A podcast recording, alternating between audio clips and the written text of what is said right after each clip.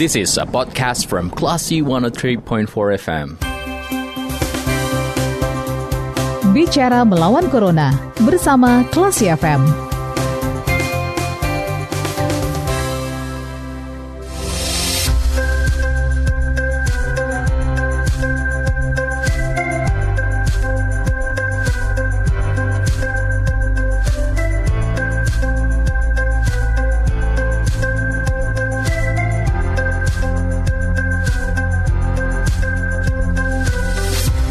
For Kelas FM bersama kita lawan Corona Kelas People. Selamat sore, saatnya Anda kembali mencermati program Bicara Melawan Corona. Sore hari ini bersama saya Audi Effendi Kelas People Dengan tema apa sih yang sebenarnya dilakukan jika terjadi aksi demonstrasi di tengah pandemi COVID-19. Dan kita akan bahas bersama dengan Ketua Persatuan Dokter Paru Sumatera Barat. Sudah terhubung bersama kita via telepon Dr. Irfan Medison sore hari ini. Assalamualaikum dokter, apa kabar? Baik, Waalaikumsalam warahmatullahi wabarakatuh. Gimana dok kondisi dokter-dokter paru kita di Sumatera Barat hingga saat ini dokter? Uh, baik ya, mungkin ada satu uh, dokter kita juga yang terpapar COVID juga ya. Mm -hmm. Ya. dokter. Nah, mudah-mudahan lah. Nah, uh, ya. Kita mau ngobrol nih Ada beberapa. Mm -hmm. Halo dok. Ya.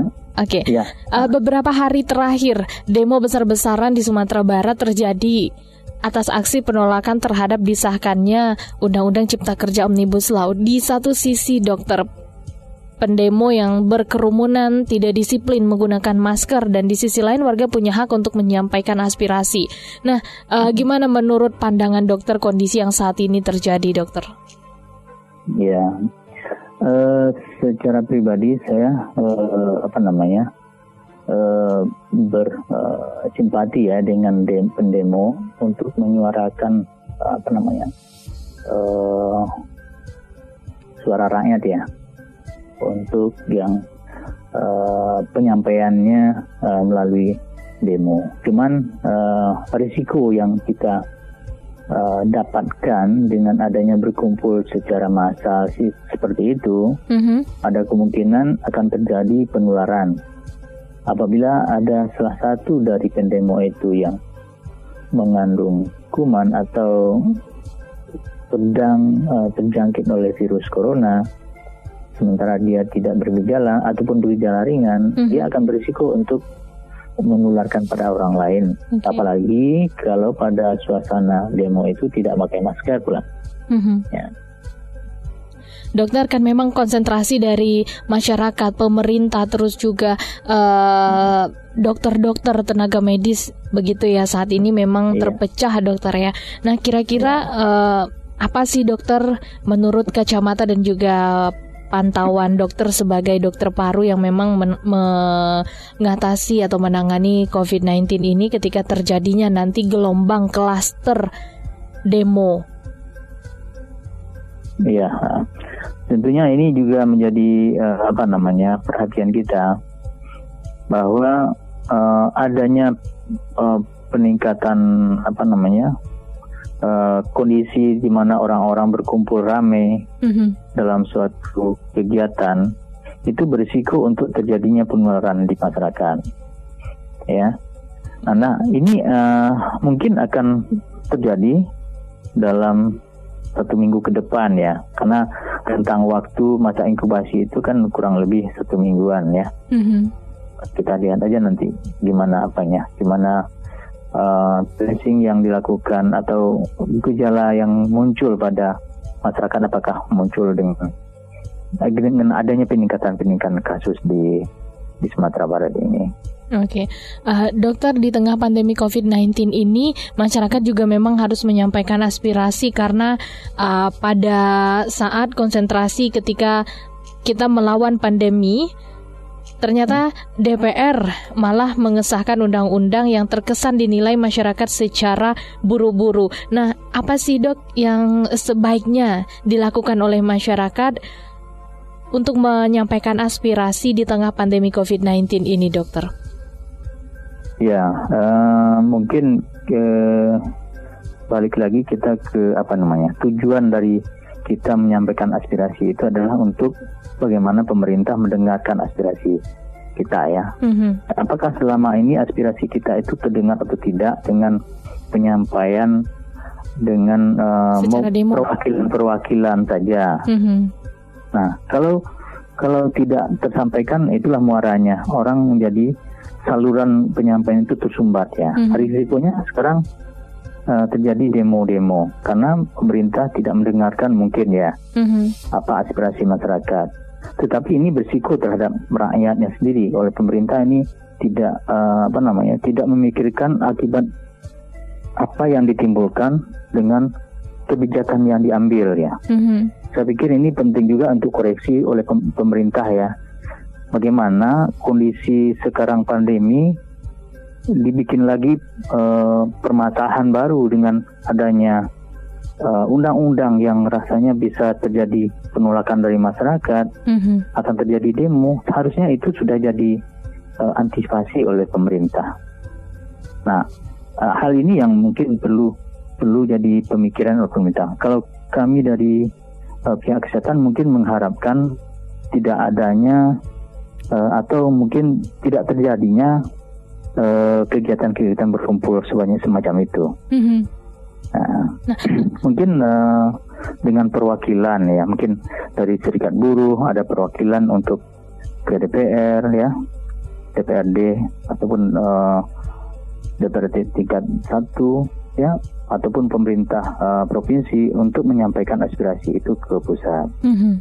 Nah, saya pikir itu mungkin eh, salah satu jalan untuk eh, apa namanya untuk mengurangi terjadinya eh, demo yang besar-besaran itu. Oke, nah kita tentunya juga eh, tidak bisa mencegah terjadinya aksi yang memang eh, dilakukan pada saat ini di lapangan, dokter ya. Nah untuk teman-teman yang sudah berjuang di eh, lapangan menyampaikan aspirasi ini, apa ada eh, cara ataupun juga tips yang eh, dilakukan setelah pulang dari eh, demo, dokter? Ya, mungkin pesannya, mungkin pesan kesehatannya, eh, apabila eh, berkontak dengan orang yang tidak kita ketahui status kesehatan COVID-nya, tentunya kita eh, apa namanya melakukan eh, isolasi diri untuk jangan berkontak dengan keluarga yang lain. Nah, atau pakai masker, masker selalu pakai masker di eh, setiap waktu berkontak dengan eh, setiap orang. Kan ada kemungkinan sudah tertular dari yang lain, Mhm. jangan sampai kita yang sudah mengandung virus juga ikut menularkan kepada orang lain. Saya pikir itu salah satunya.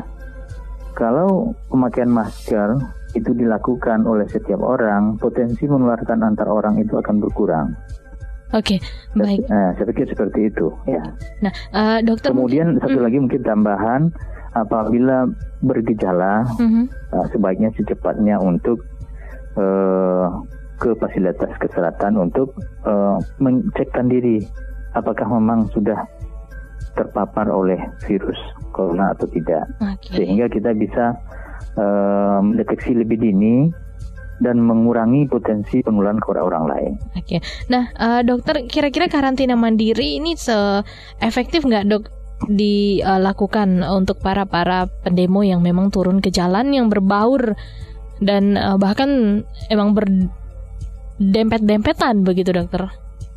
Ya, risiko pasti ada ya untuk eh, isolasi mandiri, apalagi kalau situa- situasi eh, rumah eh, masing-masing itu tidak mendukung ya.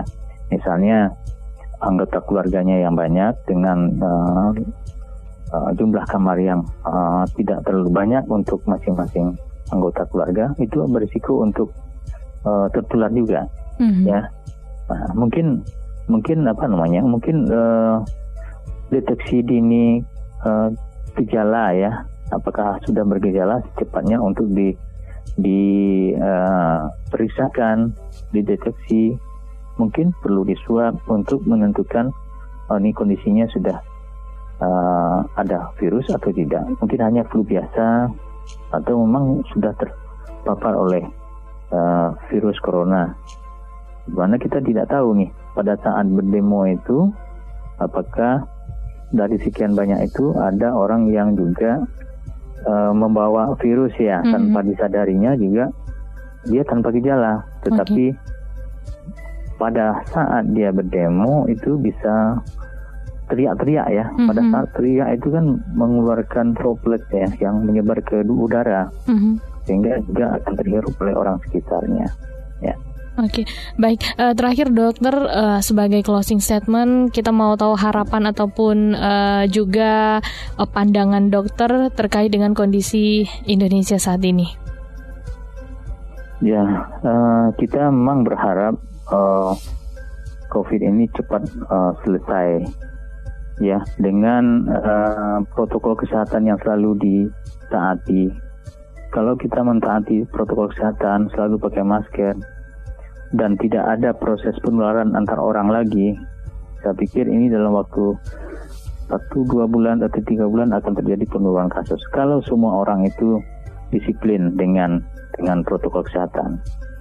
Tapi yang yang kita lihat sekarang kan ada yang tidak disiplin, ada yang menganggap ini suatu uh, konspirasi dan tidak percaya itu ada COVID. Nah itu yang membuat uh, apa namanya membuat uh, terjadinya kasus peningkatan kasus di masyarakat penularan kepada orang lain dari orang yang tidak percaya ada COVID ini, sementara dia mengandung virus itu dan okay. tidak mau me melakukan proteksi, tidak mau pakai masker, sehingga itu potensi penularan kepada orang lain gitu.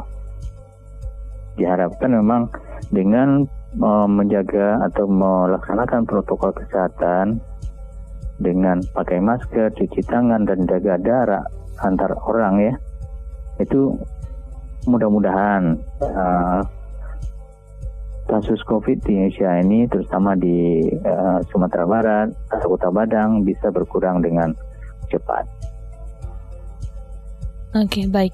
Baik, Dokter, terima kasih uh, atas ya. informasinya dan juga uh, waktunya untuk uh, sore hari ini bisa diwawancarai oleh uh, Kelas FM. Semoga untuk kelas people yang mendengarkan di rumah bisa tetap patuh terhadap protokol COVID-19 dan ya. untuk pemerintah kita juga memang uh, seharusnya diharapkan bisa mendengarkan aspirasi masyarakat dan berpihak kepada rakyat ya, Dokter. Iya, mudah-mudahan ya. Baik, terima kasih Dokter. Selamat sore. Assalamualaikum. Waalaikumsalam warahmatullahi wabarakatuh. Baik itu dia kelas people bersama dengan Ketua Persatuan Dokter Paru Sumatera Barat Dr. Irfan Medison yang uh, langsung kita bisa wawancara via telepon ya sore hari ini terkait dengan apa yang sebaiknya dilakukan jika ikut berdemonstrasi di tengah pandemi COVID-19. Baik saya Audio Fendi sekaligus pamit di request time sore hari ini dan terima kasih atas kebersamaan Anda buat yang udah request. Thanks banget ya udah gabung bareng kita sore hari ini dan jangan lupa untuk selalu cermati Radio Kelas FM. Tentunya kita akan selalu hadir dengan informasi dan juga kiprah-kiprah kesayangan Anda. Well, kita ke yang satu ini dulu. Terima kasih. Anda sudah mencermati program Bicara Melawan Corona bersama Klasi FM. Tetap waspada, bersama kita lawan Corona. This is a podcast from Classy 103.4 FM.